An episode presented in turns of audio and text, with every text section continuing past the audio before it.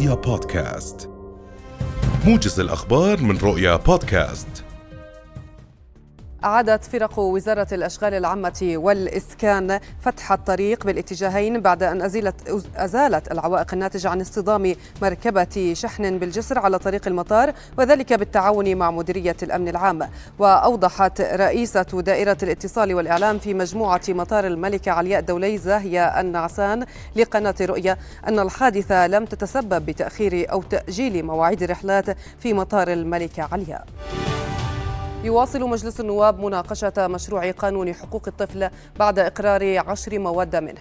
كما أضيف على جدول أعمال الجلسة قرار اللجنة القانونية بشأن قانون معدل لقانون خدمة الضباط في القوات المسلحة الأردنية لسنة 2022 هذا وقررت اللجنة المشتركة المكونة من اللجنة القانونية ولجنة المرأة وشؤون الأسرة الموافقة على المشروع كما ورد من الحكومة مع إجراء بعض التعديلات عليه. أعلن وزير الطاقة والثروة المعدنية الدكتور صالح الخرابشي اليوم استئناف تحميل النفط العراقي المورد إلى المملكة بعد انتهاء الجانب العراقي من إجراءات لوجستية.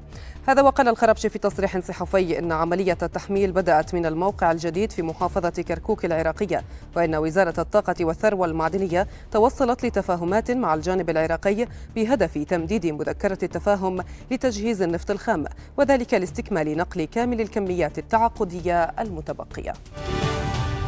أما الإضراب مدارس مدينة القدس المحتلة اليوم رفضا لمحاولات حكومة الاحتلال الإسرائيلية فرض منهاجها وما يحتويه من تزييف وتحريف للرواية التاريخية. وأصدرت القوى الوطنية والإسلامية في القدس بيانا أكدت فيه رفضها المطلق لمحاولات فرض منهاج مزيف أو مستحدث على الطلبة في جميع المدارس على اختلاف مرجعياتها الأكاديمية. ورفضها كل أشكال الابتزاز المالي الذي تمارسه وزارة المعارف وبلدية الاحتلال الاحتلال على إدارة المدارس وسياسة التهديد العلني والمبطن تجاهها. دعت الأمم المتحدة سلطات طالبان مجددا إلى اتخاذ إجراءات عاجلة لإعادة فتح المدارس الثانوية للفتيات في أفغانستان معتبرة أن إغلاقها منذ عام لا مثيل له في العالم. وأكدت الأمم المتحدة أن أكثر من مليون فتاة تتراوح اعمارهن بين 12 و 18 عاما حرمن من الذهاب إلى المدارس خلال العام الماضي. رؤيا بودكاست.